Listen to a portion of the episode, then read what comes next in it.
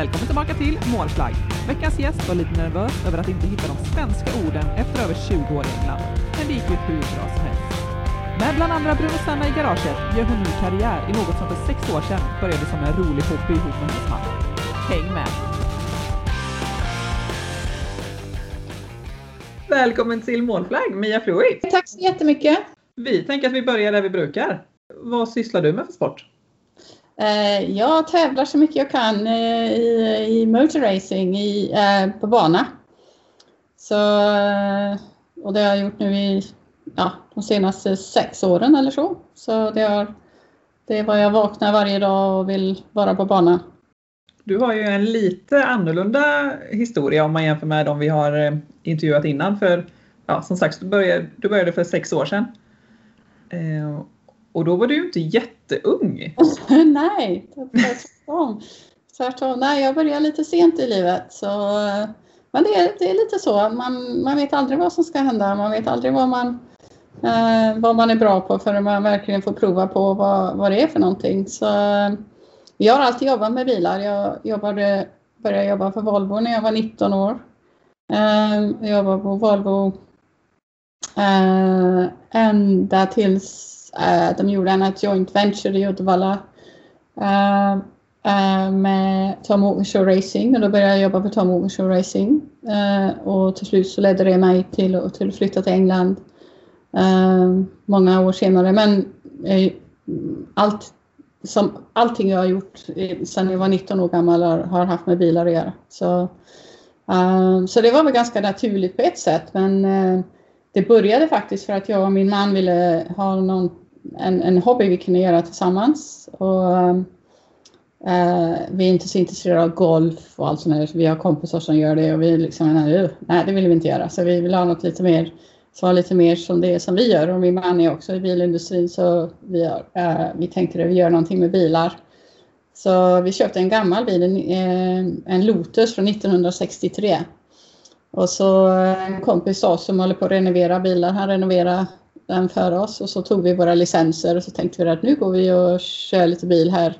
Lite så här club racing, lite ja, gentleman racing typ då. Så att det inte skulle vara för eh, ta för mycket tid utan det ska vara något kul vi kunde göra på helgerna tillsammans. Så, så det gjorde vi och vi körde vår första tävling tillsammans och vi delade eh, bilen så vi var två förare i racet var 2015 i den bilen men ungefär vid samma tid så eh, hade jag, eh, eller fick jag möjlighet kan man säga, eh, att vara på en, en sån här track day med, med McLaren. Och första gången jag körde en riktig sån här superbil på bana. Så, um, så det, och det var en McLaren 650S och jag hade med mig en instruktör från McLaren i bilen och jag körde väl tre, fyra varv eller någonting så här. Och så sa han efteråt, han sa ingenting när vi körde men efteråt så sa han mm, han, har, du, har, du, har du funderat någon gång på att tävla eller? ja, så jag, jag har precis börjat tävla. Henne. Ja, men jag menar riktigt tävla, sa han. Uh, så tänkte jag, ja, uh, men hur gör jag det då, Anna? Uh, hur ska jag ta mig dit? Um, så sa han, föreslog han då att jag skulle göra några kurser med McLaren, så de gör en performance academy kurser med McLaren. Uh, och det gjorde jag med, först i vanliga bilar. Um, eller vanliga superbilar. uh, och sen uh, i en sån här speciell eh, uh, trackbil så sådana slicks och grejer men inga men egentligen inte, du kan inte tävla med den utan du, uh, man har lite mer downforce, lite mer sådär som en riktig racerbil. Uh, men en 650 hästkrafter racerbil så det är ganska uh, intressant. Uh, det gick, allting gick väldigt bra och um, så tänkte jag att ja, jag, vet, jag visste liksom inte riktigt hur jag skulle ta mig in i den världen för det är ganska dyrt att tävla också. Så, att, eh, eh så jag fick erbjudande om att köra en tävling i september 2017. Min första tävling i en, i en McLaren. Eh, och jag kom fyra och det var på Ricard i södra Frankrike. Och jag var helt såld, jag var vansinnig för jag kom fyra. Tyckte det var jättehemskt. Men eh, jag tyckte det var det roligaste jag hade gjort någonsin. Um, och eh, så tänkte jag att ja, det här måste jag liksom försöka göra och då började jag här eh, racet kan man säga, ett eget race nästan för att hitta sponsorer och, och så ha råd att och, och fortsätta racea. Så, eh, och det gjorde jag, fortsatte tävla eh, i en McLaren Series, eh, så en uh, vad vi kallar single make, så bara McLaren eh, som tävlade. Så det blir som en sån där förartävling nästan, för det är bara alla har samma bil och så här. Eh, så det tävlade i 2018 och jag vann det mästerskapet eh, första året och jag vann det det andra året.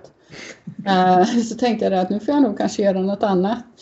Så förra året um, så hade jag tillräckligt med sponsorer för att, att köra i British GT som är man säger, brittiska mästerskapet och jag, jag vann det mästerskapet också.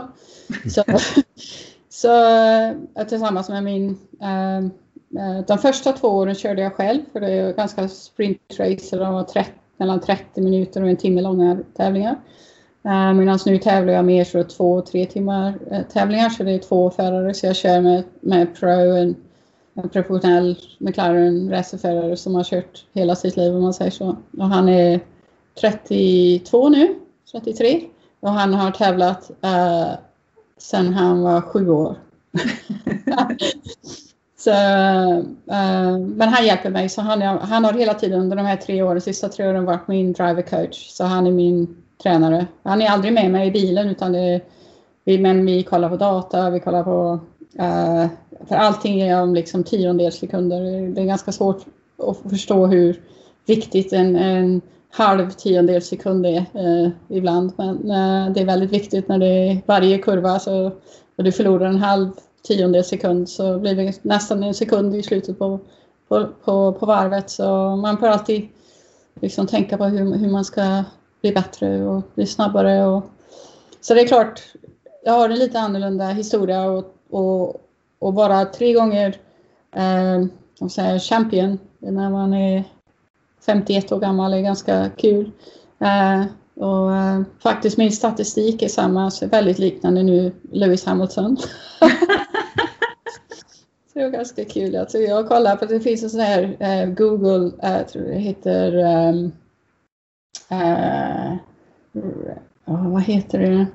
Så man kan liksom söka på sitt eget namn och så Racing Driver så kommer du upp på Google och de har lagt ihop alla vinster, alla podium, alla allting sånt här som jag så, så min, min podiumpresent av races som jag har, liksom, eller tävlingar som jag har varit med i är samma som Lewis Hamilton. så det är inte alla som har det. det är inte så illa för en gammal tant. Ja. Så, nej, så, det, så jag har haft en väldigt, um, uh, vad ska man säga, jag har gjort det nästan helt tvärtom. Så nu har jag börjat köra karting och allt sånt där som de som jag tävlade mot gjorde när de var fem, sex år gamla. Uh, det gör jag nu och, uh, och, och använder det som en del av min träning på, på vintern. Uh, men det är, det är liksom ett heltidsjobb kan man säga. Jag tränar sex dagar i veckan. jag kör så mycket karting som jag bara kan och har råd med.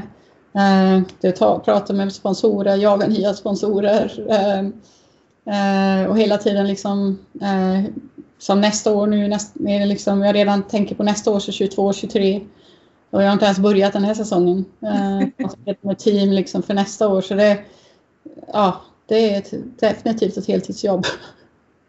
Och det tar över, det tar över liksom hela livet, för det tar över familjens liv också. Så eh, på ett sätt är det nästan lättare att göra det nu när man är lite äldre och jag inte har samma ansvar som man har kanske om man har familj, ung familj och grejer och så här. Va?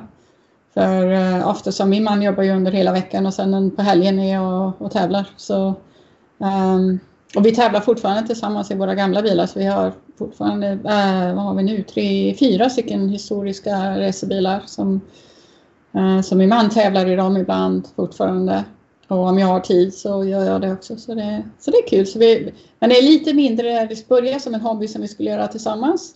Men det betyder nu att jag är aldrig hemma. Hur många tävlingar eller helger är ni ute och tävlar per år? Äh, ja, det beror lite grann på men äh, vi har ganska mycket andra evenemang också genom min mans jobb och så här. Äh, men allting är relaterat till bilar. Så det, men eh, jag tävlar eh, Eh, förra året skulle jag göra 21 tävlingar.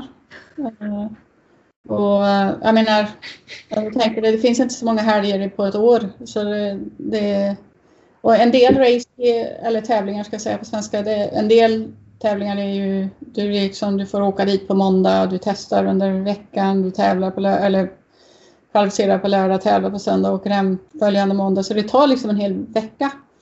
Um, men när jag tävlar i England så British GT var lite lättare förra året för det, ja, det är ju under, över helgen men jag behöver inte ofta åka dit förrän torsdag kväll eller någonting sådär och testa på fredag och, uh, och så vidare och så vidare. Men uh, i år är jag igen tillbaka med McLaren och mitt först, min första tävling i sista veckan i maj på Spa i Belgien. Och sen är det över hela Europa och slutar i sista tävlingen tror jag i Texas. Så, så det är liksom över hela världen hela tiden. För vi hoppas vi får resa nu bara.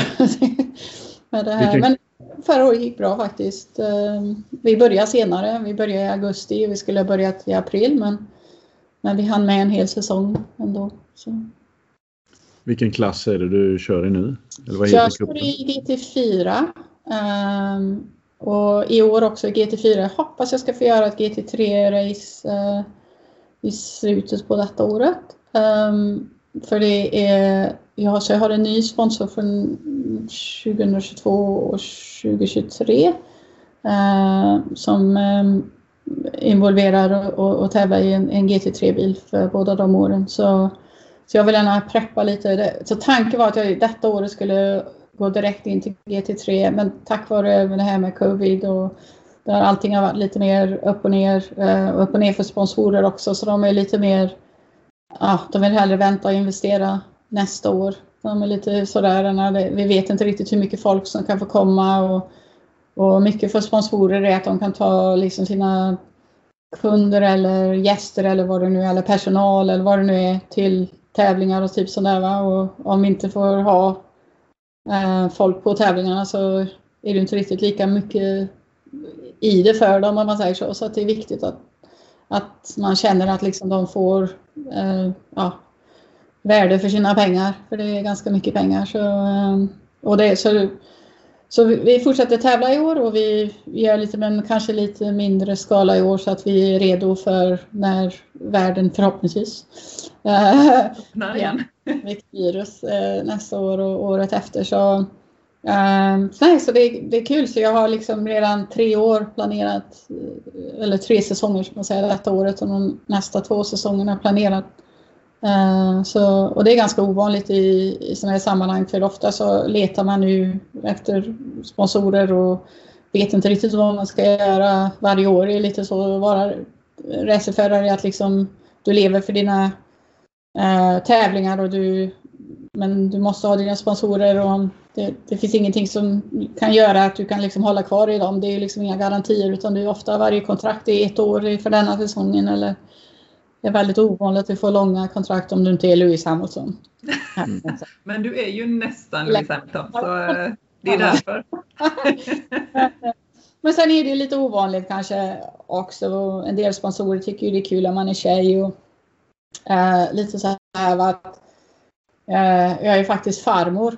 Och så, jag säger alltid till dem, jag eh, är en av de snabbaste farmödrarna ute. Eh, sån hö, hög nivå i, i, i, eh, i Europa och, i, och nu har jag ju tävlat överallt. Jag tävlade i eh, Gulf 12 hours i Abu Dhabi förra året eh, och vi kom tvåa där. Och, eh, och så jag menar, men det är lite kul att de flesta som jag tävlar emot är liksom 20.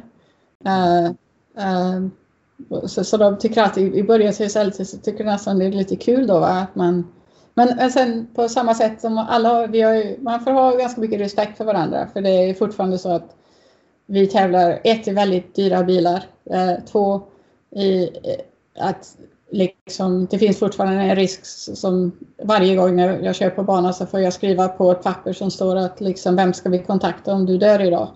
Och så man får ju fortfarande liksom ha respekt för det man gör. Och eh, nu är de här bilarna väldigt säkra och så. Jag har haft några stora krascher och man kan, nästan blir mer, eh, vad ska man säga, man, man har mer självkänsla nästan att det, det är okej. Eh, om man har haft en, en stor olycka för då vet man det att liksom, okej, man kan faktiskt ha en olycka i ja, eh, 250 kilometer i timmen och det är, och det är helt okej. Eller ja, det är inte okej, men det, man, är, man kan klara sig från det. Och, ehm, så det är oerhörd respekt mellan oss. Och om du tänker om du, för de flesta normala människor så är det nästan svårt att, att föreställa sig. Och det var det för mig också nästan innan jag hade, jag visste att jag var snabb på bana. Så, men det är en sak att vara snabb eh, på en track day eller liksom köra när du kör för dig själv. Du tävlar inte mot någon. Så det är en sak att vara snabb då, för det, då behöver man vara lite galen och så om man är lite galen så kan man vara snabb. Det har jag ju hört att någon har sagt till dig att du är. Ja, jag var ju helt klart galen.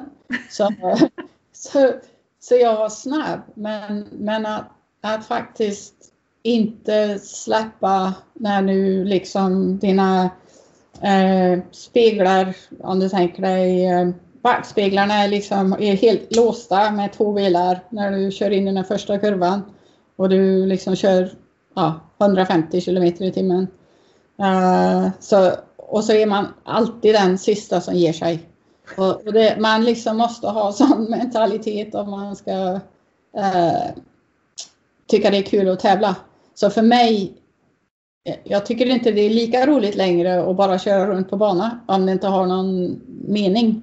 Så jag tycker det är jättekul att testa och försöka sätta upp bilen så att den blir bättre och vi kan hitta de här extra halva sekunden eller tiondel sekunden eller vad det nu är genom hur vi gör på banan. Men, um, men det jag vill göra hela tiden det, och det jag liksom tänker på nästan det första när jag vaknar varje dag är att tävla. Att jag, jag har oerhörd tävlingsinstinkt och jag tror det är och den blir nästan större hela tiden. Ju mer jag lär mig, ju, mer, ju bättre jag blir. För givetvis, jag har ju väldigt lite erfarenhet jämfört med många av dem som tävlar.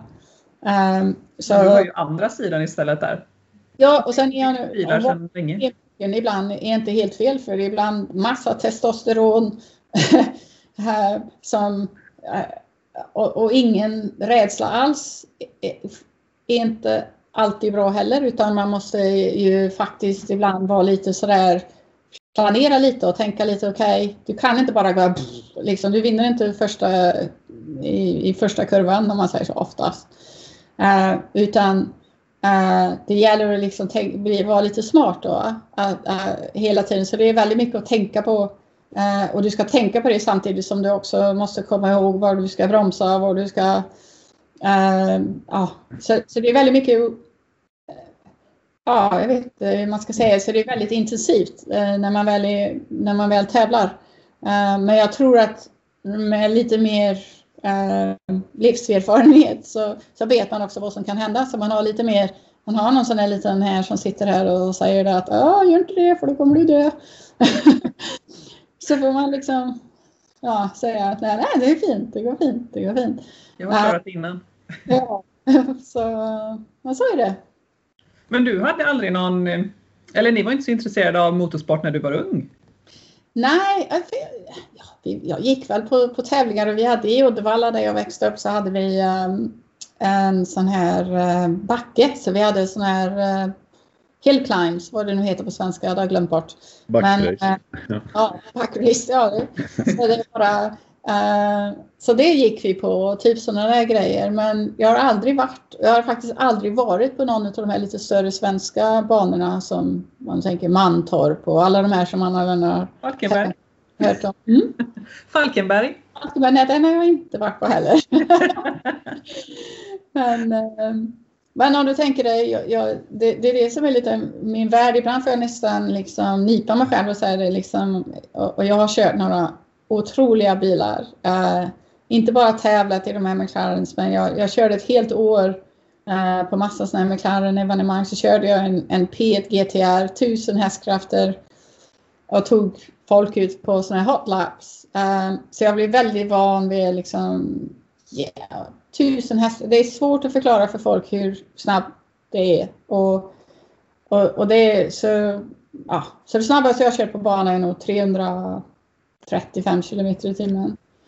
Och, men det, det, det, blir liksom som eh, normalt. Så, och det är väldigt svårt att liksom förklara för folk hur lite galen man får vara. Men, eh, men fortfarande respektera vad man gör. Eh, så det, det, är lite, eh, ja, ska man säga, jag har nästan levt på banan de senaste fem åren. Ehm, har jag liksom all, nästan, om inte varje helg så varannan helg är jag någonstans. Antingen tittar på en tävling, antingen, eller tävlar jag själv, eller jag har tävlat eh, på några av de bästa. Jag kommer ihåg en gång, det var ganska så här, intressant, så jag hade i mitt garage var Bruno Senna som min lärare och jag kör en P1 GTR eh, på Monza. Och, eh, 200 två miles eh, per hour så det är väl 320 325 km i timmen. Eh, och jag fick nästan, jag nästan hade eh, håren nästan stod upp så här på armarna och jag tänker jag var liksom nästan så här, liksom, det här är inte klokt alltså. Uh, så jag kommer från någon som aldrig har tänkt sig att jag skulle liksom göra något, något sånt. Det uh, varit helt fantastiskt. Så, så det är inte bara att tävla utan jag har jag tycker det är så kul att jag kan liksom spendera varje dag på en bana i garagen, gå runt och snacka med ingenjörer och Um, och liksom mekaniker och förare och allting. Det är liksom min familj nästan. Jag tycker det är jättekul.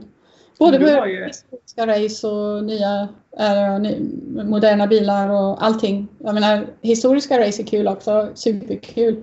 Och det luktar annorlunda. Det luktar av olja och allting sådär. Medan när du går på mer moderna tävlingar och lite mer sådär sofistikerat. Men uh, men det är superkul. Jag är väldigt lyckligt lottad. Du har ju en bakgrund som eh, ingenjör. Ja, jag jobbar på, på jag var beredare på Volvo uh, först. Uh, jag, jag, gjorde massor. Mitt första jobb på Volvo som körde jag um, truck. Jag knackade på deras dörr och sa innan jobb och så sa de ja, vi har dig som truckförare. Ja, jag tänkte jag det, det var fint. så det var min första jobb. Jag var ganska snabb som truckförare också kan jag säga. Uh, men, uh, men sen jobbade jag mig liksom upp. Jag, sen började jag jobba på logistik och sen blev jag bilbyggare. Så tänkte jag, ja, jag provar det. Så blev jag bilbyggare och, och i, på Uddevallaverken Eh, byggde vi ju bilar eh, som ett team. Eh, så vi byggde liksom hela bilen som ett ett litet team. Så det, var inte samma, vi hade inte liksom en vana sådär att du liksom bara gjorde, satte på en del eller någonting sådär. Du fick lära dig göra väldigt mycket. Sen la den fabriken ner och jag eh, började läsa eh, marknadsföring. För det tyckte jag var ganska kul. Och sen så öppnade den fabriken igen som, en, som ett joint venture mellan Volvo och TWR. Och det är då jag gick, åkte tillbaka, eller ja, kom tillbaka kan man säga, men som, eh, som bilbyggare. Och eh, jag var bilbyggare eh, och beredare för vi, väldigt lite team som försökte. Vi, vi tog eh, eh Volvo bilar, tog isär dem, 850 tror jag det var. Tog isär dem, satte ihop dem, tog isär dem, satte ihop dem, tog isär dem, satte ihop dem för att komma fram med en process för att, att bygga de här bilarna. Och sen eh, eh när den nya bilen C70 eh, kom in i mitten på 90-talet så eh, jobbade jag, vi var sex utav oss som, som byggde alla de här eh, pressbilarna och sånt. Och, eh, och då jobbade jag väldigt mycket nära med TWR och så, deras ingenjörer och sa herregud, så här, det här kan man inte bygga. Vad ni nu har designat, det går inte att bygga. Uh, så varje dag så tjatade jag om det här. Så till slut så sa de till mig, om vi tränar dig som en av våra sådana här manufacturing engineers, uh, kan du jobba hos oss? Så det, det gjorde de. Och, och, så när jag flyttade till uh, England till slut i, i ja, 2000, då hade jag ett litet team av åtta ingenjörer som jobbade för mig. Um, och vi gjorde um, men manufacturing engineer, så inte design på bilen utan design på processen hur, hur, vi ska, hur man bygger bilar eller hur man designar en fabrik så man kan bygga bilar. Så, men det var väldigt kul också. Det tyckte jag också var jätte, äh, jätteroligt. Men jag, jag gick i pension när jag var 34. Det var en kort men intensiv karriär. En intensiv karriär, jo det var. Och till slut, äh, min man fick ett, ett jobb utomlands och vi, vi flyttade utomlands. Och så jag följde honom. Men nu är det min tur, så, så nu är det min tur. Nu kan han följa mig. men ändå har det varit hela, hela livet ändå kretsat kring just bilar. Ja, det har det. Så... Alltså bara när du jobbar och sen följer med honom och sen, ja, ja nu är det din tur igen. Ja, han har jobbat i bilfabriker sedan han var 21 så jag sedan jag var 19 så du vann. Och, så det, det har. Jag menar, han har eh, 37 eh, år i bilindustrin nu. Så, eh, nej, så det är allt vi gör, allt vi pratar om. Eh, om, du, om du, ja, det, ja, du ser vårt hus så skulle du se det är bara bilder överallt på väggarna, bilar eller kanske några med hundar. hundar faktiskt. Hundar. Ja, mina hundar är runt omkring och bakom mig här, jag vet inte om ni kan se det, men det här är, är mina första priser som... Det är ju inte många som har kört i sex år som har en sån hylla hemma. Nej, och jag har fått ställa bort alla de där jag har kommit två och tre för det inte, Vi fick inte plats. Eh, men, eh, men nej, vi, vi är lyckligt lottade att vi har samma, väldigt mycket samma intressen. Och det så, vi träffade så också. Så vi, vi träffade faktiskt i England men vi bodde båda två i Sverige. Så min man är engelsk. Ehm, men, men så det var så, när, ja, så vi träffades, det är så vi lever, det är så vi hela ja, allting vi gör har, har någonting med bilar eller hundar eh, att göra. Så, ehm, så, ja, så jag antar att vi är lyckligt lottade att vi har eh, att vi inte sådär att det, vi tycker inte det är konstigt om en är borta på helgen bara för att det är en tävling eller och, ibland tävlar jag någonstans och Mike tävlar någon annanstans så i olika länder till och med. Så det, det, är, det är lite så ibland. Logistiken är inte alltid lätt, speciellt med två hundar men äh, men det är, det är liksom, ja. Hur är det att åka runt och inte ha med dig hand då? Jag tänker ni ändå, ni startade ja. detta tillsammans liksom? Ja, och det är lite konstigt ibland, det är det. Men eh, på ett sätt också ibland, man, när jag tävlar är jag väldigt, och han, han, är den första som säger det också, han tycker det är kul att vara där, han är min största supporter. Men eh, han, eh, jag har en antitid med han. Så, man, I mitt huvud så är jag liksom, så fort jag är på banan, så fort jag är där, så allting jag tänker på är eh, liksom ja, ja, men vi testar innan så är det liksom hur vi ska få bilen rätt så när vi är redo för kvalificeringen. Och det är en liten stund där efter jag har kvalificerat och innan racet så, så ofta är det liksom kvalificeringen på lördag så tävlar vi på söndag. Ja, så på, på lördag kväll ofta, så det här brukar ibland bara komma på lördag kväll. Bara för att eh, för då är jag gärna lite lugnare för då vet jag, då vet jag vad bilen är, vi vet hur vi har kvalificerat och så här innan dess så, så är jag så fokuserad så, så han kommer upp till mig ibland så jag går rakt förbi han. du är din egen bubbla. ja, och det är lite, men det, det är svårt att förstå hur, hur, hur, fokuserad man måste vara. Om du vill, och, och jag är väldigt så tävlingsinriktad också, men jag tävlar, min tävlingsinstinkt är mer mot mig själv än mot andra. Så jag vill hela tiden veta att jag har gjort det bästa jag kan. Och vi har gjort det bästa vi kan tillsammans, jag och min uh, co-driver, att vi har gjort det bästa vi kan för, för att bilen tillsammans med vår ingenjör uh, och våra team, att bilen är så bra som vi bara kan ha den. Vi ska inte ha några problem med kvalificering, vi kommer inte ha några problem under tävlingen. Uh, eh, och vi är precis hur allting fungerar. Och det är oerhört mycket att, att, att gå igenom det, är olika briefings till, för att gå, man måste gå på, du måste skriva på papper här, du måste gå och väga dig, du måste göra det. Så det är liksom hela tiden, varje halvtimme när du är där så är det någonting du måste göra eller vara här eller du måste träffa någon, du är någon intervju där eller det är någon. Eh, så det är hela tiden, ja. Jag har folk frågar mig det ibland och så säger de, vad gör man när man är racerförare? De tror man bara hoppar in i bilen och så tävlar man och så kör man och så. Och så, så nej, så riktigt fungerar det inte. Det är, precis, det är ingen skillnad att vara äh, racerförare äh, än att vara ja, någon äh, friidrotts eller ja, vad det är för sport man gör om du, om du vill göra det på, på högsta nivå.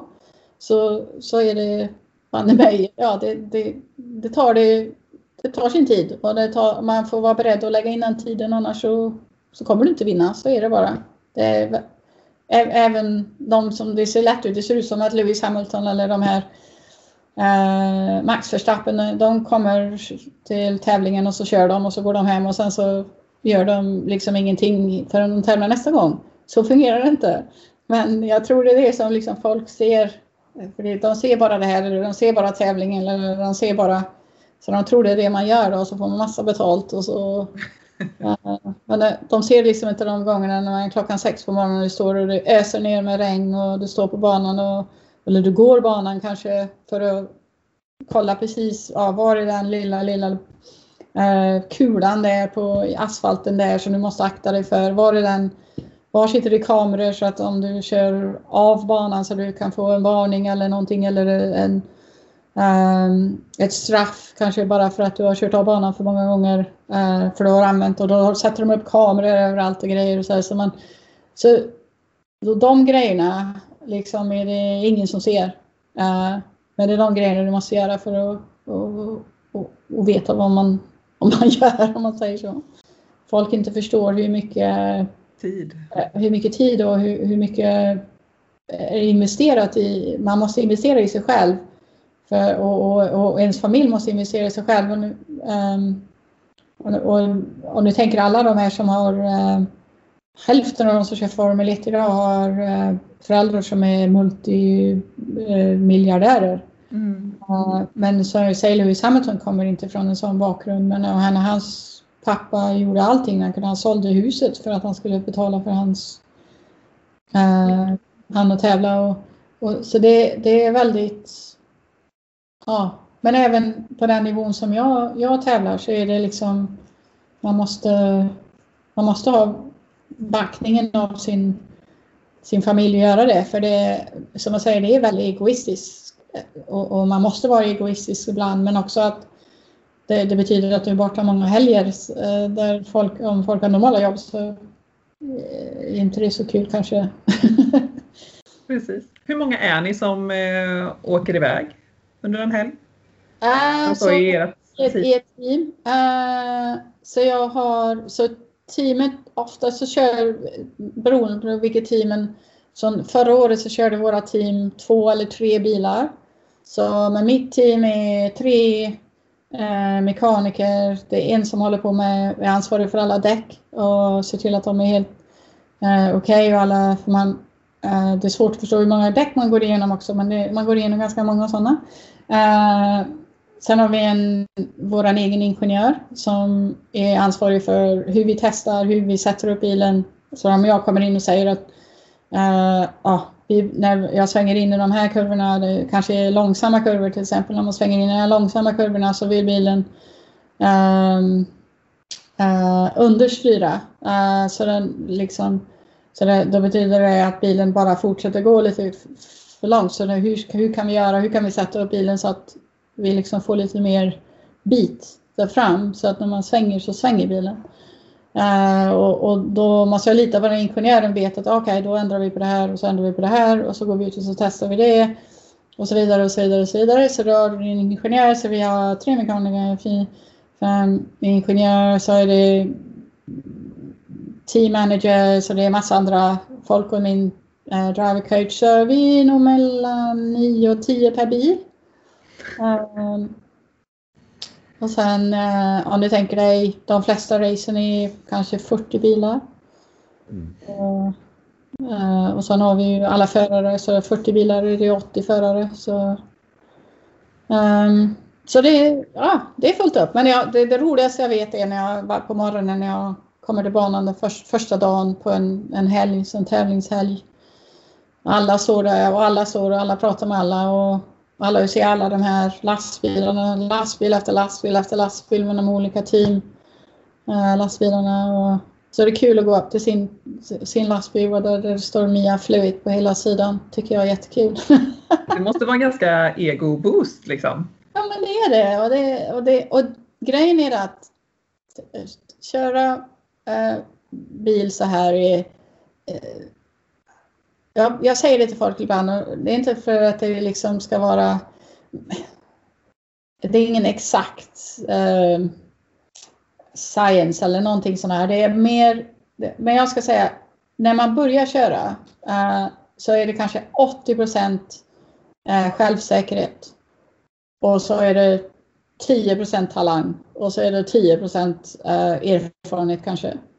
Och sen när du får mer erfarenhet så, så ersätter du den här, vad ska man säga, nästan som man måste nästan vara sån så att man liksom tycker att jag är bäst, jag kan vinna idag.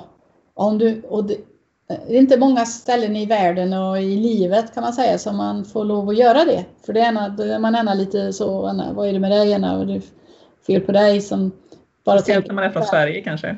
Ja, nej, men, ja, men, men även så, så i, i, Sverige förmodligen mer än, än här i England. Att, för i Sverige är det alltid det här, ja vi ska vara lagom och vi ska alla vara samma, vi ska alla vara så här. Och, och det är absolut inget fel med det, men racing är en ganska självisk eh, sport.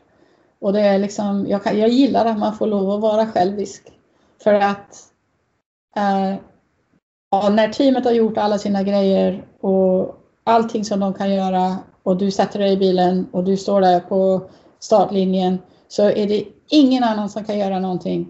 Ingen annan än du. Så det, de står där inne, de tio personerna i ditt team. Allt de har gjort, allt jobbet de har gjort innan den bilen står på den startlinjen. Nu är det din tur och det enda sättet vi kan vinna är om du vinner. Så, så, det, så man måste ha den här självkänslan att du kan äh, ja, och, och, och, tro att du, du kan vinna varje gång. Och det, men, och jag trodde det när, så när jag började då, att, att, att köra. Så, så lite erfarenhet så, så någonting hände i racet. Och någon, någon körde på en eller någonting sånt va.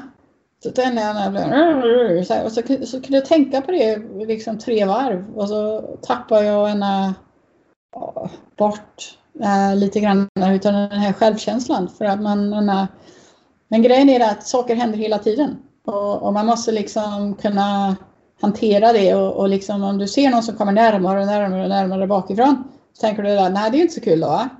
Men om du då försöker köra snabbare och snabbare och snabbare, det är inte alltid så bra heller för då kör du, där kör du kanske inte så bra. Eller du kanske gör misstag som gör att den här personen... Så ibland är det bara så att man får liksom, jaha, han är snabbare än mig. Och, och liksom man, man fortsätter göra sin, sin grej. För om du, om du kör till din, din nivå och det är liksom... Men det, det är svårt att, att, förklara hur det är och, och, så, för så länge, under så långa perioder och vara... Uh, om du tänker dig, man, man har gärna en nivå där man, här känner jag mig komfortabel, här är det, här är det okej, okay. ja, det, det är bra, här är jag okej. Okay, Uh, eh, men racing är 100% att du hela tiden, och, du, och jag menar hela tiden, varje kurva, varje varv i två timmar åt gången när du sitter i bilen så är det ditt jobb att operera utanför den. Så alltid över den gränsen. Så att, för om så fort det är bekvämt så, så är du aldrig snabb nog. Så så, och, det, och det är det största som man liksom när man är ny, att det är väldigt lätt och efter så de första fem varven så kör man som bara den och så, ja, där. Och sen så blir man lite så, ja, mm, okej. Okay. Ja, och så sett, eller liksom är det lite så man är tillbaka i den här uh, och här, här, det här känns bra. Nu vet jag hur jag gör och, och vet var alla är och vet vad, så liksom hur det fungerar. Uh, och det, uh, det är då man måste liksom, hela, ah, nej. För, nu, för om, det, om det inte känns stressigt så är du inte snabb nog. Så, så det, man måste också liksom tänka på hur, hur, hur, hur klarar man av, hur, hur klarar man av den dagen när man kör dåligt och hur klarar man av den dagen när man är kör jättebra och så här va. Och, och utan att ta åt sig för mycket så att det, det liksom gör att man... Det är samma om du gör ett misstag i den här kurvan så kan du inte tänka på det mer än en sekund. för om du tänker på det eh, mer än en sekund så har du redan gjort ett misstag i nästa kurva också. Hur mycket för, tränar du på den mentala biten? Ja, alltså jag, gör, så jag gör mental träning och jag, har, eh, jag följer en träningskurs eh, sex dagar i veckan.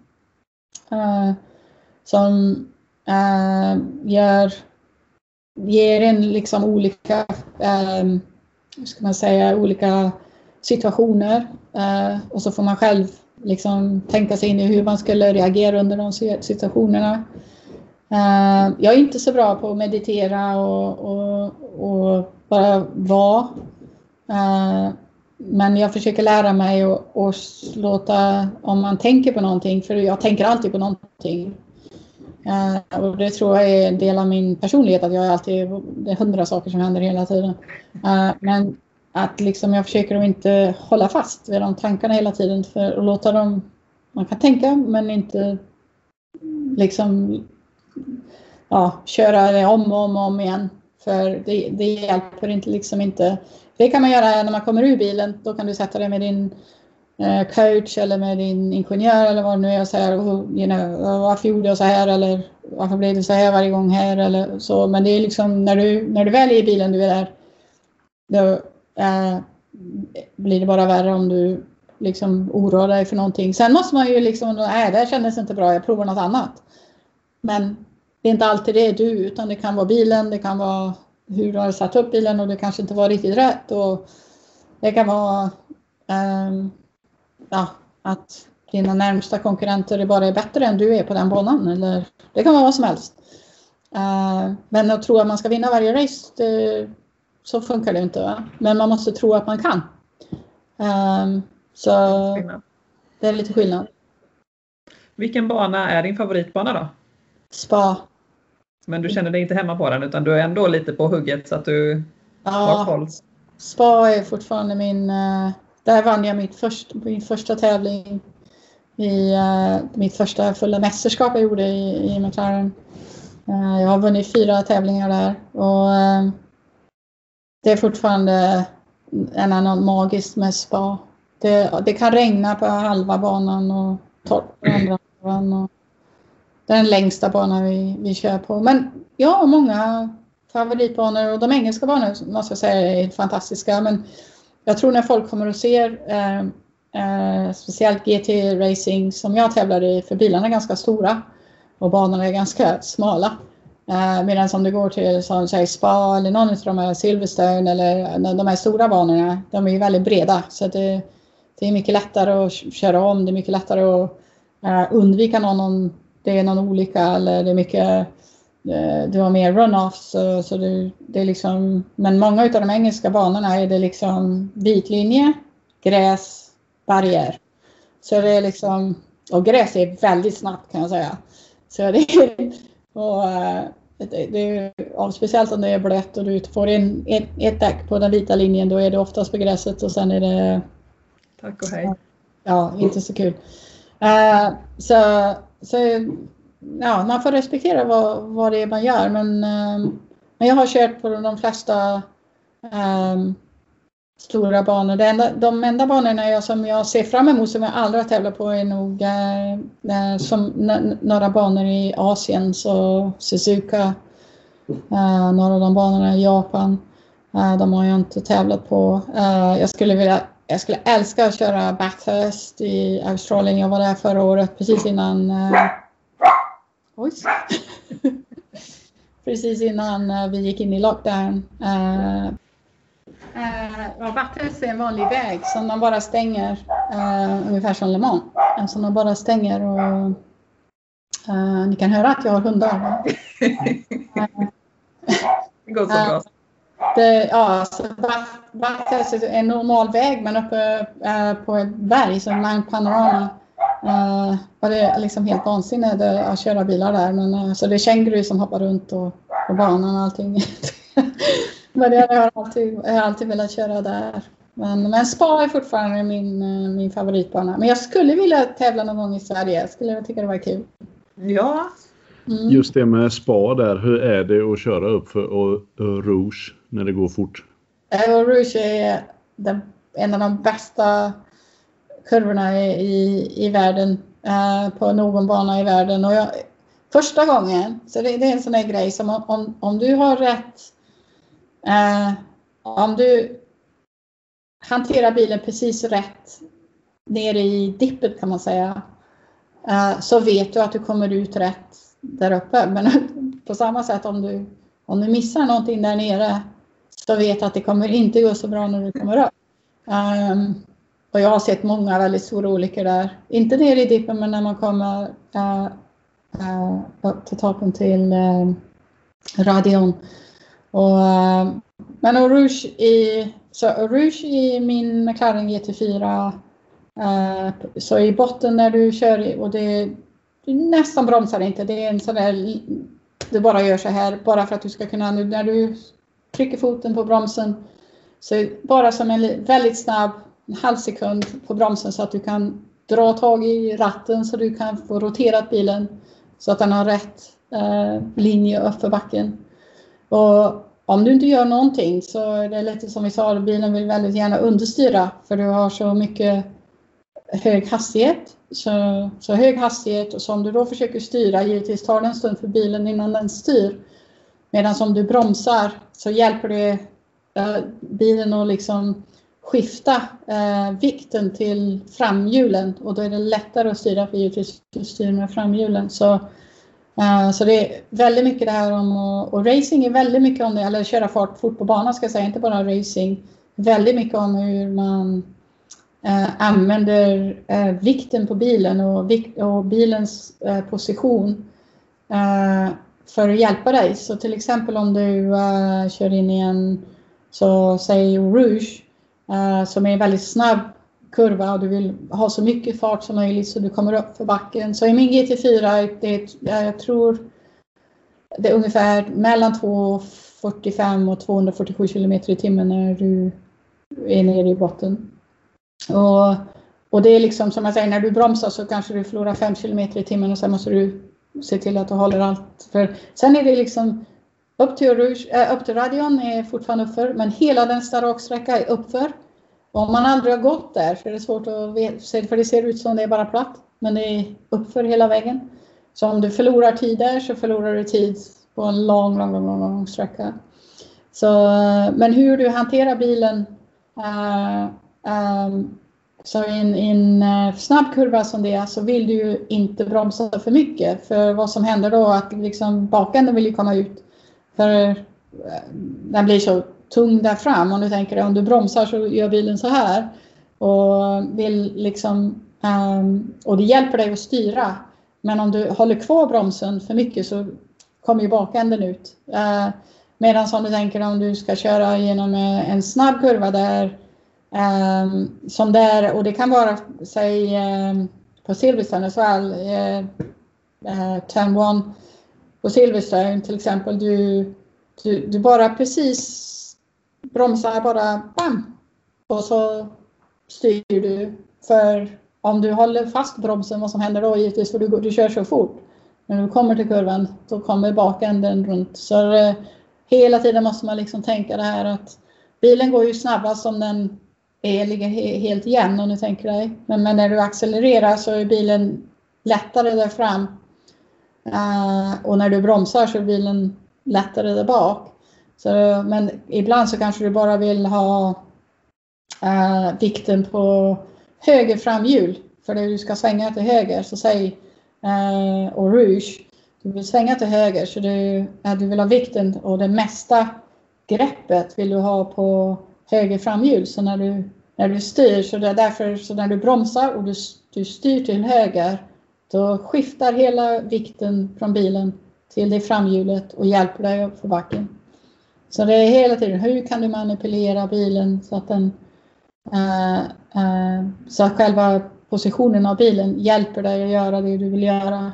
För att styra, om du tänker dig styra det, om, när, när man har köpt, kört i Sverige, när man har kört på is och snö och grejer, så vet ni det att om man liksom släpper gasen eller, eller man bromsar snabbt så vill gärna bakänden komma ut. Och, och det fungerar precis samma sätt på bana men då använder man det till sin, sin fördel. Så, eh, så nej, nej det, Orish är awesome. Ni har ju, eh, ja, eller du har ju både barn och barnbarn. Har den här motorsportsgenen gått över till dem? Nej, ja, jag, eh, min son eh, Niklas han, eh, han tycker det är jättekul. Han har varit ute med mig men han är lite för stor. Så han är väldigt lång och, och det är alltid lite svårare för det är svårt att förklara hur litet det är oftast inne i bilen. Så, så han har alltid varit lite lite stor, men han, han, tycker det är väldigt kul. Så jag tror om han hade pengar skulle han säkert göra det. Så jag har sagt till honom, du får vänta tills du har råd, så, samma som jag gjorde. precis. Han har några år kvar. ja, precis. Så, så nej, så det men, men äh, småkillarna är, så jag har tvillingar, äh, pojkar, de är fyra år. Äh, de är lite unga än, men de tycker det är kul när jag tävlar, så de, de tittar på mig när jag tävlar. Eh, men, eh, men de, du vet, de kan inte sitta still och titta på en tävling som är tre timmar lång. Det är inte så kul. Eh, det blir liksom, ja ah, där, kolla där är farmor. Sen går vi och gör något annat. Så, grejen är ju bara det att man är, om man är intresserad och så. Jag har en kompis som har en 11-årig son och han har precis fått sin första go-kart och första gången jag satte han i en kart så var han livrädd. Han var helt förskräckt och, och jag, jag tänkte det, men det här, jag känner mig som en sån här, jag sa det, men du, du, du behöver inte om du inte vill. Jo, jag vill, men han var liv, han var jätterädd. Um, så till slut så sa jag det att jag vill inte att han ska köra på banan, kan vi låna parkeringen där bakom? Så de på banan där så, så, som hade en sån överflödsparkeringarna.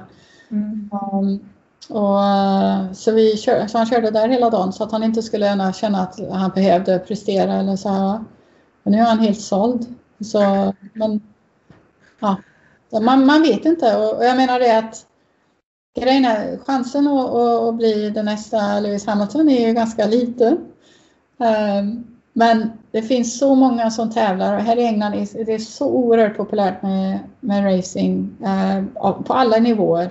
Ehm, och, och, det tycker jag är superkul. Och du ser mer och mer tjejer nu.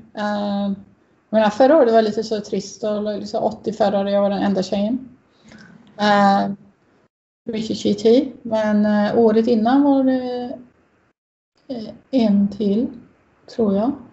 Men, uh, men vi gör mycket, jag, jobb, jag jobbar nu med ett, um, en, uh, ska man säga, en, ett projekt som heter Formula Woman. Um, och det är, där jag är en av ambassadörerna för dem och de Eh, Eh, vi försöker, det kommer vara en tävling eh, i år. Eh, börjar i september men det är en sån så alla, vilken tjej som helst, du kan söka faktiskt. Det enda eh, reglerna kan man säga eh, är att man är tjej, att man har vanligt körkort och, och sen kan man vara hur ung, gammal som helst. Men alltså, så, så, så länge man vanligt körkort och sen att du aldrig har tävlat innan. Och sen, är det, sen så skickar man in till det här Fumlabommen ett litet klipp eh, där man säger 30 sekunder har man på sig så får man säga liksom varför man vill vara en sån här Fumlabommen och varför man ska tävla. Och de fyra, jag, jag tror inte de har bestämt att det ska vara fyra och två reserver tror jag som vinner till slut. Men under det närmsta året så får de träning, mental träning, de får köra, eh, alla får köra tre, tre varv på banan alla som anmäler sig. Alla får, och vi tror det ska bli ungefär tusen personer från det är bara två tjejer från Sverige så jag var lite besviken. När ja, att då får jag se om jag kan anmäla mig där med. Ja, det tycker jag.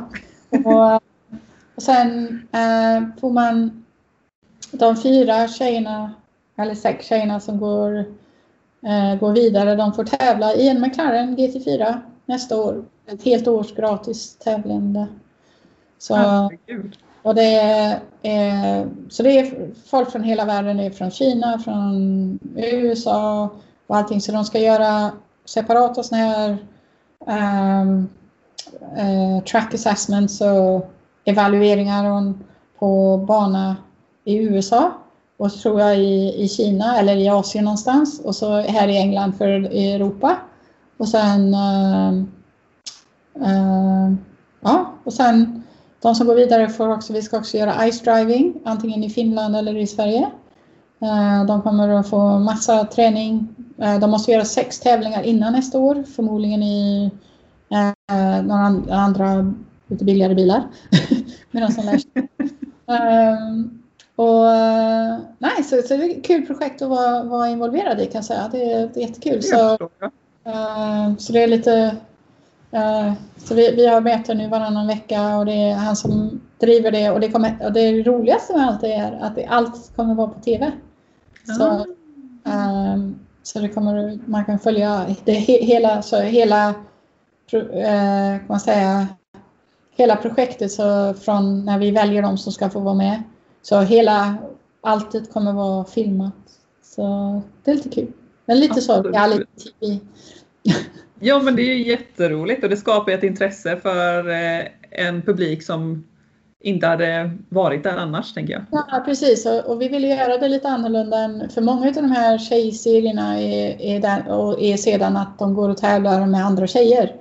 Och, men det, det, så är det inte här och jag, jag är inte sådär helt såld på det utan jag tycker att det är en av de grejerna med med motorracing är, som jag verkligen gillar med motorracing är att faktiskt man kan göra det oavsett vad du är för ras, vad du är för kön, uh, vad du är för ålder uh, så kan du tävla. Och du kan tävla mot, jag tävlar mot 20-åriga killar, jag tävlar uh, jag menar, bilen vet inte hur gammal du är. Eller bilen vet inte om du är tjej eller kille. Bilen vet inte. Så om du är snabb så är du snabb. Och det, så, och det är väldigt mätbart, Anna. Det gillar jag. Att det är så mätbart att du kan um, um, liksom, det mäts i tid och den som kommer först över linjen vinner. Så det är liksom ingen... Uh, ja, det är ingen, när, du sätter på dig hjälmen och går sätter dig i bilen så, så är du liksom en racerförare. Och det är liksom ingen... Uh, och jag, så därför tycker jag inte det här att det är liksom... När jag, så folk säger till mig så tävlar du med tjejer? Så säger jag nej. Uh, och jag, jag spelar ingen roll om det är tjejer eller killar utan det är vad, vad det nu är. Då, va? Men det är samma, folk skulle inte säga tävlar du med eh, liksom gamla folk eller unga? Men, men, nej men om du vet vad jag menar. Det är liksom lite ja. sådär att, att vi, vi, måste, nej men det låter så okej, okay, så du tävlar med, med killar? Så, så, ja, men varför inte? För det, de flesta sporter i världen kan man inte göra det. Men mm. jag slå en tennisboll lika hårt som eh, en kille kan till exempel. Eh, eller springa lika fort för jag har inte samma muskler som en kille eller vad det nu är. Men det är många sporter där det är omöjligt att tävla mot varandra. Eh, för vi skulle aldrig, vi har inte sån fysik att, det, att vi kan göra det. Men medan i en racerbil, kanske med Formel 1, det finns tjejer som testar och kör Formel 1-bilar. Så om du, så länge du är eh, stark nog och har tillräckligt med muskler i nacken Eh, för det är det som är grejen att du, många tjejer vill inte träna så. Bara för att de, de tror att de ska få, de ska få ut så här stora muskler och så här. Men, eh, men så ja, så jag, så jag tycker det är kul att det ska vara eh, en sport för alla. Att det inte bara det är inte bara för tjejer, det är inte bara för killar. Och, för tänk om de gick ut och sa att de här tävlingarna får bara vara för killar. Då skulle tjejer bli vansinniga om någon nu sitter hemma och tänker ja men jag vill också bli racerförare. Hur eh, tycker du man ska starta då? Eh, då tycker jag att man ska, man ska gå till någon bana. Eh, jag är säker på att det fungerar på samma sätt i, i, i Sverige. Man ska gå till någon bana där, det, där man kan få prova på och liksom köra så de hyr ut bilar eller någonting sånt där. Där man kan få prova på och kanske med en um, med en instruktör i bilen eller någonting sånt där. Att du kan liksom uh, som du inte ja, skrämmer livet ur dig själv första gången du gör det.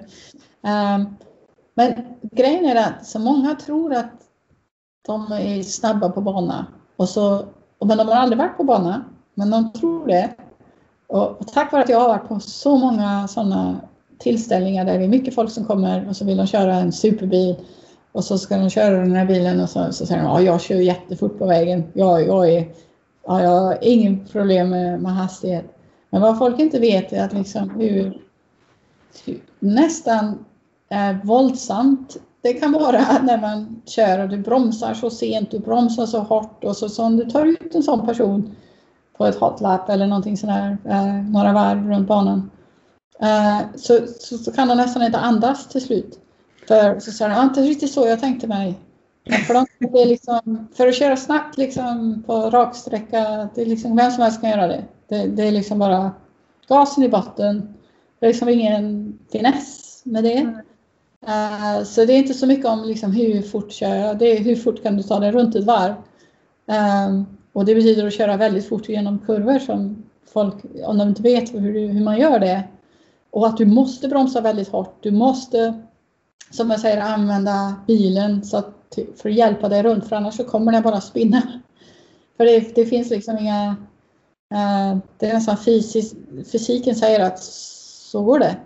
Så, eh, så jag, jag, tror att gå till en bana, eh, prov, prova att köra på bana eh, en halvdag, en halvdag eller någonting sån här en eh, sån upplevelse eller någonting sånt här. Här i England kan man köpa, det är väldigt många som får på fars dag och sånt här så får de en sån här upplevelse. De får åka till Silverstone och så får de köra några olika bilar.